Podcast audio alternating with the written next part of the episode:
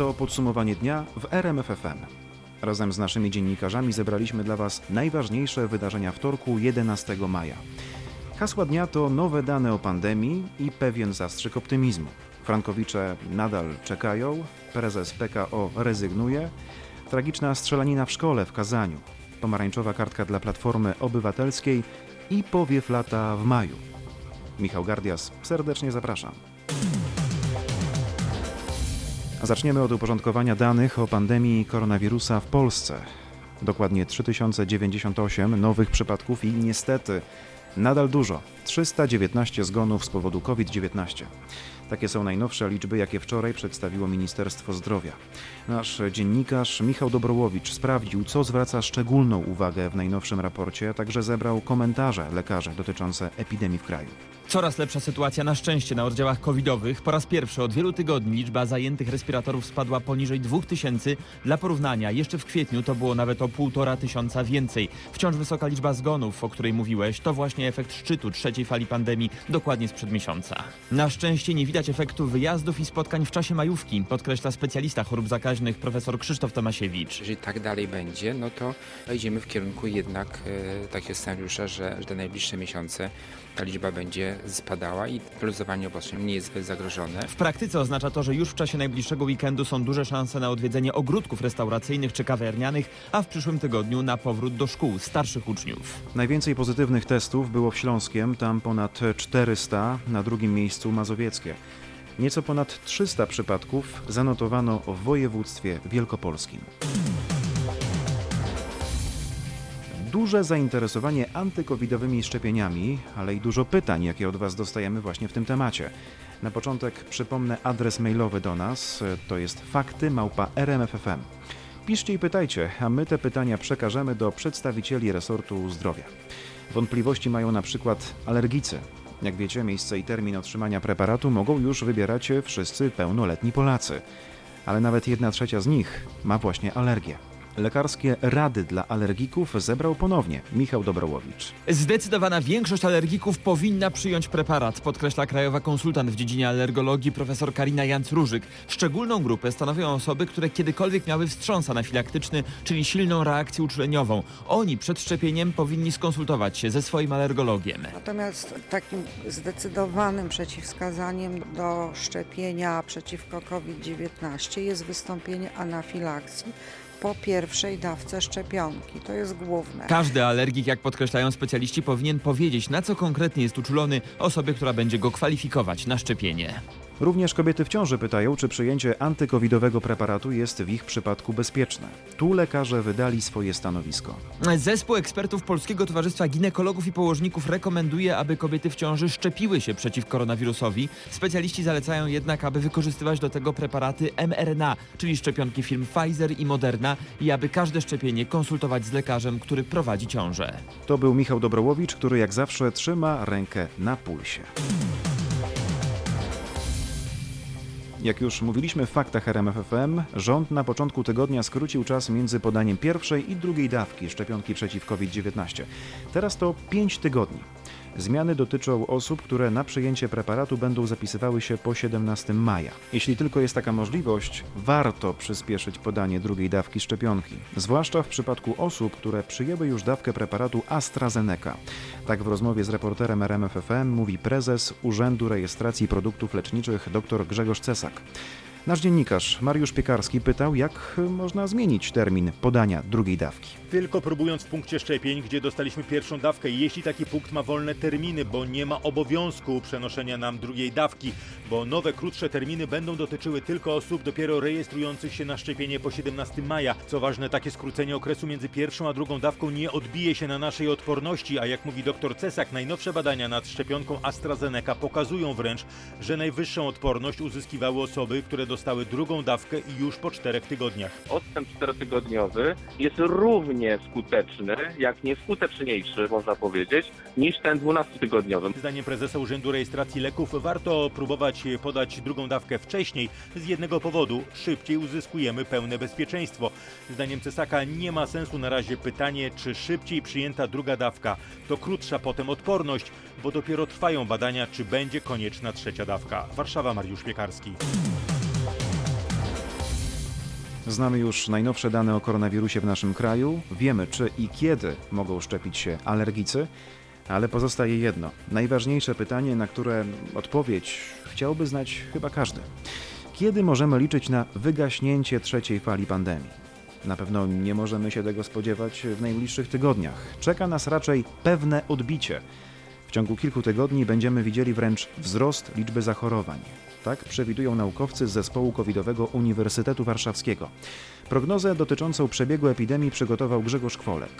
Dlaczego przypadków będzie jeszcze więcej? Powodów jest kilka. Przede wszystkim do końca miesiąca do szkół wrócą wszystkie dzieci i nastolatkowie. Uczniowie nie są zaszczepieni, przyrost zachorowań wśród nich i ich rodzin jest nieunikniony. Kolejny powód to luzowanie obostrzeń. To oficjalne i to oddolne, spontaniczne. przykładzie maseczek, tak, że, że, że już w zasadzie większość osób w wielu miejscach nie nosi, mimo że, że, że one jeszcze obowiązują. Tłumaczy dr Jakub Zieliński. Według naukowców możliwe są dwa scenariusze. W wariancie optymistycznym zobaczymy niewielki, kilkuprocentowy wzrost.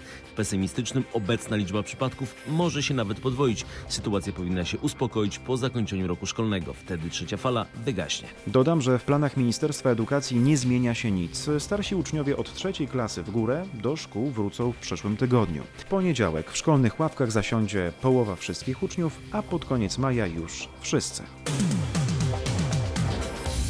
Podsumowaniu dnia teraz absolutne zaskoczenie w świecie finansów, bo Zbigniew Jagiełło po 12 latach rezygnuje z funkcji prezesa PKO Banku Polskiego. Jagiełło to jeden z najbliższych współpracowników premiera Mateusza Morawieckiego. Kierować bankiem zaczynał jeszcze za czasów Platformy. Tym tematem zajął się nasz dziennikarz z redakcji ekonomicznej Krzysztof Berenda.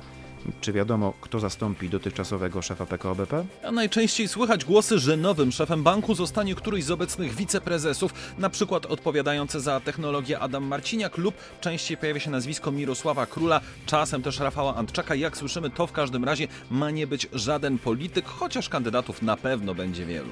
Jedno chyba z najważniejszych pytań, dlaczego Jagiełło zrezygnował? Oficjalnie i sam Zbigniew Jagiełło i bank milczą, nieoficjalnie pojawiają się dwa powody. Pierwszy to nie najlepsze zdrowie Jagiełły i tym razem to akurat nie jest wymówką. Drugi powód to konflikty polityczne. Ekipa Zbigniewa Ziobry już od jakiegoś czasu, jak nieoficjalnie słyszymy, chciała uderzyć w Jagiełłę, czyli przecież bliskiego współpracownika premiera. Przyczyną miała być kwestia zarządzania problemem franków szwajcarskich i to też nie podobało się ludziom z jądra Prawa i Sprawiedliwości. Nie podobało się, że największy polski bank i do tego państwowy bank niezbyt chętnie zawiera ugody z frankowiczami, co osłabia politycznie Prawo i Sprawiedliwość.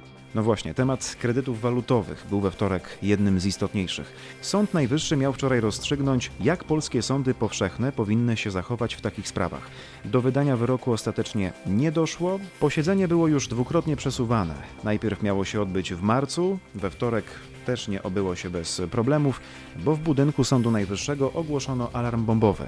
Tuż po godzinie 18 odbył się specjalny briefing dotyczący właśnie wczorajszego posiedzenia. Usłyszeliśmy, że Izba Cywilna Sądu Najwyższego potrzebuje dodatkowych opinii kilku instytucji, m.in. Rzecznika Praw Obywatelskich, prezesa NBP czy Komisji Nadzoru Finansowego. Uchwała w tej sprawie? No, nie wcześniej niż za 30 dni. Frankowicze jeszcze długo poczekają na ważną dla nich decyzję. Koniecznie słuchajcie faktów RMFFM, a po jeszcze więcej informacji zapraszam do naszego nowego internetowego radia rmf24.pl. Nie będzie przyspieszonej budowy naziemnej kolejki w Rzeszowie. Jak dowiedzieli się nasi reporterzy, Ministerstwo Infrastruktury nie spieszy się z przepisami, które miały ułatwić budowę monorail. Ta inwestycja to oczko w głowie byłego prezydenta miasta Tadeusza Ferenca, który teraz popiera kandydata Solidarnej Polski i Porozumienia Marcina Warchoła. Podsumowaniu dnia ponownie Grzegorz Kwolek, który wyjaśnia, o jakie przepisy chodzi. Chodzi o zmiany w rozporządzeniach dotyczących transportowego dozoru technicznego. Zmiana miała umożliwić szybsze zaprojektowanie i budowę naziemnej jednoszynowej kolejki w Rzeszowie. Przepisy są już gotowe. Nie wierzę, żeby ktoś celowo wstrzymywał pracę nad przepisami, przekonuje Marcin Warchoł. Ludzie tego chcą, potrzebują i zresztą dowodem tego jest moja współpraca, jak powiedziałem, z Ministerstwem Infrastruktury. Przekonałem ich do tego, odbyły się, odbyły się y, spotkania wspólne, powstał projekt, który ja panu wyślę. A Ministerstwo Infrastruktury, które zapytałem o te zmiany, odpowiada krótko.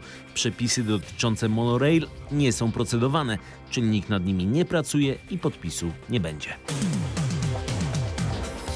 Wczoraj o poranku świat obiegła dramatyczna informacja z Kazania, czyli stolicy Tatarstanu w Rosji.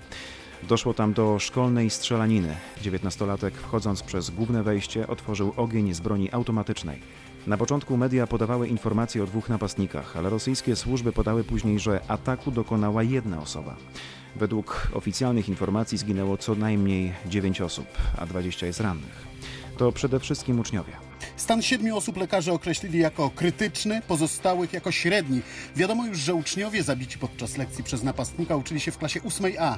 Młody mężczyzna z broni gładkolufowej zastrzelił też ich nauczycielkę. Wcześniej ogień otworzył do osób tuż przy wejściu głównym.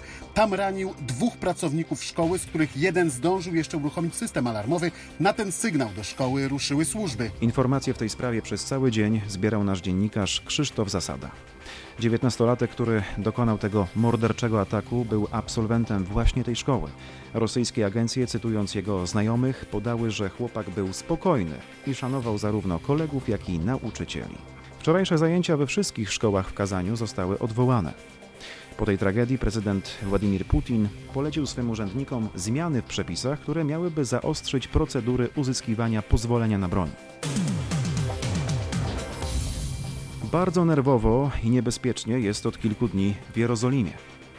Na Starym Mieście koło bramy damasceńskiej cały czas czuje się napięcie. Mówi w rozmowie z RMFFM Anna Szczypińska, Polka mieszkająca w stolicy Izraela. W mieście w okolicach Wzgórza Świątynnego od kilku dni trwają starcia Palestyńczyków z izraelską policją. No, do tej pory rannych zostało nawet 700 osób. Jednocześnie palestyński Hamas prowadzi ostrzał rakietowy Izraela. Wojsko odpowiada nalotami na strefę gazy, są też ofiary śmiertelne.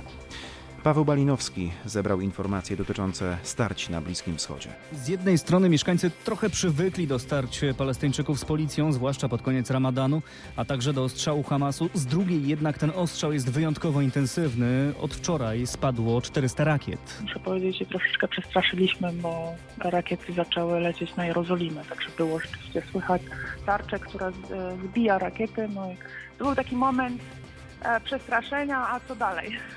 Ale za chwilę życie wróciło do normy. Mówi Anna Szczepińska. Tarcza, czyli tak zwana żelazna kopuła, wyłapała większość pocisków, ale niektóre się przedostały. Jedna z rakiet trafiła w dom w mieście Ashkelon, zabijając dwie kobiety. Izrael odpowiedział nalotami, w których według palestyńskich władz w Gazie zginęło 26 osób, w tym dziewięcioro dzieci. To nie jest żółta kartka dla osób rządzących Platformą, to jest pomarańczowa kartka. Tak mówi w porannej rozmowie w RMFFM Ireneusz Raś z konserwatywnego skrzydła PO. W ten sposób skomentował podpisany przez niego list 51 parlamentarzystów, którzy domagają się debaty i zmian w partii. Robert Mazurek zwrócił uwagę, że jest to de facto list uderzający w przewodniczącego PO, czyli Borysa Budkę. Poseł wskazał, kto mógłby Budkę zastąpić na stanowisku szefa partii. Posłuchajcie, jaka padła propozycja i co tak naprawdę oznacza ten ostrzegawczy list. No, trzeba usiąść i trzeba rozmawiać. Jak to ma wyglądać? Nie możemy, się, nie możemy się dowiadowiać o pewnych działaniach Litości, e, naprawdę. e, ważnych osób dziś zarządzających partią Platformą Obywatelską, że podejmują jakieś działania e, zewnętrzne, a my dowiadujemy się tego z prasy. Mówię tutaj o, o kampusie Polska Przyszłość. Ale zaraz, Przecież, kampus, y, kampus to jest ruch, jak rozumiem, Rafała Trzaskowskiego. Ale, ale Rafał Trzaskowski jest wiceprzewodniczącym Platformy Obywatelskiej. Jest to osoba, która w ostatniej kampanii otrzymała od nas olbrzymie wsparcie i to organizacyjne i, wbiliśmy się za niego, żeby został prezydentem. Dziś e, powinien z nami pewne rzeczy również konsultować. Nie może tak być, że dokładamy sobie kolejne problemy. Ja po, Ale pan ma tak, pretensje do Trzaskowskiego, że z Kwestia- wami nie uzgadniał tego roz- pomysłu? Ma pan żal do niego, że organizuje kampus, a nie zajmuje się platformą? Przynajmniej powinniśmy wiedzieć e, o, co chodzi. Czy e, według Rafała Trzaskowskiego on jest już e, poza myśleniem o odbudowie Platformy Obywatelskiej jako formacji. No ale to wygląda tak, to, to, to, to wygląda bardzo łączy- jasno, że Rafał Trzaskowski nie ma już nadziei, że z Platformy coś będzie. No to ja bym chciał, żeby mi to powiedział. E, Uczciwie. No to ja, a ja bym chciał, żeby pan uczciwie naszym słuchaczom powiedział, że pan przez Cały czas mówię A ja uczciwie. mam wrażenie, że pan cały czas przemawia do swoich kolegów partyjnych, a nie do Nie, naszych to jest słuchaczy. wrażenie pana redaktora. Okej, Ja to w takim razie zadam bardzo proste pytanie bardzo i bardzo chciałbym, żeby pan klarownie odpowiedział na to proste pytanie. Proszę bardzo. Czy Borys Budka jest dobrym liderem Platformy Obywatelskiej? E, oczekiwałem od niego, że tą swoją energię, którą sportową posiada, przełoży również na, na energię w polityce. Nie widzę tego. Jestem rozczarowany. Pan jest rozczarowany Borysem Budką. Czy to oznacza, że on jest, e, że jest złym, złym szefem, złym przewodniczącym? Jest ponad rok przewodniczącym Platformy. Uważam, że zbyt dużo komunikuje z dnia na dzień, a za mało pracuje nad pewnymi kwestiami, które mogłyby nas łączyć. A przede wszystkim musimy odbudować, e, powiedzieć, kim dziś jest Platforma. Ale E, oni i- mówią, i nie, panie pośle, pan się może z tym, ale to pan się może z tym nie zgadzać, ale Platforma dokonała już pewnego wyboru i właśnie dokładnie takiego, do jakiego wzywały no, kibicujące jej media, czyli na przykład powiedziała jasno, że Platforma jest za wolną aborcją, za legalną aborcją dla właściwie każdego, kto chce jej, tej aborcji dokonać. To jest pewna jasna deklaracja. Ja rozumiem, że pan się z tą deklaracją nie zgadza, no ale to może pan powinien opuścić partię, a nie mieć pretensje do Platformy, że nie jest wyrazista. Na taki czyn zawsze jest czas. Ja chcę tylko powiedzieć, że ja przez blisko 20 lat buduję Platformę Obywatelską każdymi swoimi działaniami tutaj, lokalnie. Dobrze, ale panie pośle, skoro Borys Budka, skoro Borys Budka nie jest dobrym szefem Nie jako partii, tej partii, tylko jako osoba pracowita. skoro I Borys uważam, Budka... Panie pośle, sekundkę. I- O pańskich zaletach jeszcze zdążymy porozmawiać, naprawdę. O pańskiej pracowitości. Ja bym na razie skupił się na klarowności wywodu. No skoro Borys Budka nie jest dobrym szefem partii i pan jest rozczarowanym Budką i chce mu pan pokazać już najwyższy stopień ostrzeżenia, ale jeszcze go nie wyrzucić, to ja jednak muszę zadać pytanie, dobrze, a kto byłby lepszy? Bo Trzaskowski nie, to już pan powiedział. No to kto byłby lepszy? W ostatnich ty tygodniach zastanawiałem się nad tym, kto mógłby wszystkie rodziny Platformy Obywatelskiej zjednoczyć i e, e, dać e, wiarę w to, że nasza praca może w perspektywie najbliższych miesięcy przynieść dobry rezultat. Nie tylko sondażowy, ale żeby e, odbudować też relacje na opozycji No i jakie nazwisko się panu kołacze? E, Radosław Sikorski, tak powiedziałem wczoraj w jednej z rozgłośni, będę tego konsekwentnie się trzymał, dlatego że znam tego polityka, jest barwny, e, jest doświadczony, jest O uznany tak, na- doświadczony na w końcu wiele lat, pra, wiele lat w PiSie e, swoje przeszedł. Co, tak. Wcześniej był nawet kiedyś- odbudowy Polski, to prawda. E, Każdy kiedyś e, z tych polityków w PiSie gdzieś był, więc e, dzisiaj tego nie mówmy. Patrzmy na człowieka, jakim jest dziś i jak, Myśli jakie- pan, że jak naprawdę- można jego doświadczenie wykorzystać nie Okej. tylko dla Platformy, tylko dla Polski. Radosław Sikorski, tak, to byłaby zmiana, która dawałaby szansę na dojrzałe przejście do ofensywy. Robert Mazurek i jego wywiad dostępny jest na naszej stronie internetowej rmf24.pl. Tam również możecie włączyć nasze nowe internetowe radio. Jeszcze więcej rozmów, opinii, komentarzy. Serdecznie polecam. Tegoroczni zimni ogrodnicy pojawili się wcześniej niż zazwyczaj. Specjaliści od pogody uważają, że to oznaka, że w połowie maja nie powinny już grozić nam wiosenne przymrozki. Wśród niewielkich miejskich ogródków zaroiło się od działkowców, którzy rozpoczęli już pracę z roślinami. Widzę, że w ogródkach praca w re. Cały marzec, cały kwiecień nie dało się nic zrobić, teraz trzeba zrobić wszystko w ciągu jednego tygodnia. Coś pan już sadzi? Nie, jeszcze nie, poczekam, bo jeszcze mają być chłody. A podobno właśnie już ich nie będzie. No nie wiem, trzy dni ma być ładnie, pięknie, a potem mają być deszcze jakieś czy coś. Zobaczymy, to się wszystko okaże. A zwykle tak w ogródku to kiedy i co się sadzi? No w ogródku w maju to już się sadzi, te wszystkie tam pelargonie, takie inne rzeczy, ale może być jeszcze zimna Zośka, to trzeba poczekać. Pan rozumiem czeka, tak? No ja jeszcze poczekam. Czyli na razie widzę takie porządkowe prace. To wszystko, co powinno być już dawno zrobione, to dopiero pierwszy raz koszę w tym roku, bo cały czas było mokro. Podkosiło się, teraz trzeba po, po, podcinać, żeby to jakiś wygląd był. A co z sadzonkami, to dobry czas? My sadzimy jak krzewy na jesień. E, Na przykład tetuję, to wsadziłam koniec e, września. A takimi sadzonkami, które się teraz wsadza? Kwiatki tak, to już teraz trzeba sadzić. Takie co do kwitnięcia latem, to trzeba wsadzić teraz kwiatki już. Przed ogrodnikami? Tak, tak, bo e, wie pan co, to nasiona, nasiona się sieje po zimnej zio- zośce, tak? Ale to nasiona tam e, takie ogórki, takie, takie rzeczy, ale jak kwiatki to, to można, bo to nie macną, chociażby jakiś lekki był mróz. To, to, to nie, to, to trzeba teraz już sadzić. To ja nawet też pójdę i sobie kupić jeszcze coś tu dosadzić. Co pani będzie kupować? No właśnie, z- jakieś dalie takie kwitnące, jakieś takie, żeby kwitły. Czyli kwiatki. Tak, kwiatki, kwiatki. Kwiatki, bo to są jednoroczne dalie. A je się sadzi przed ogrodnikami czy po? Już sadzą.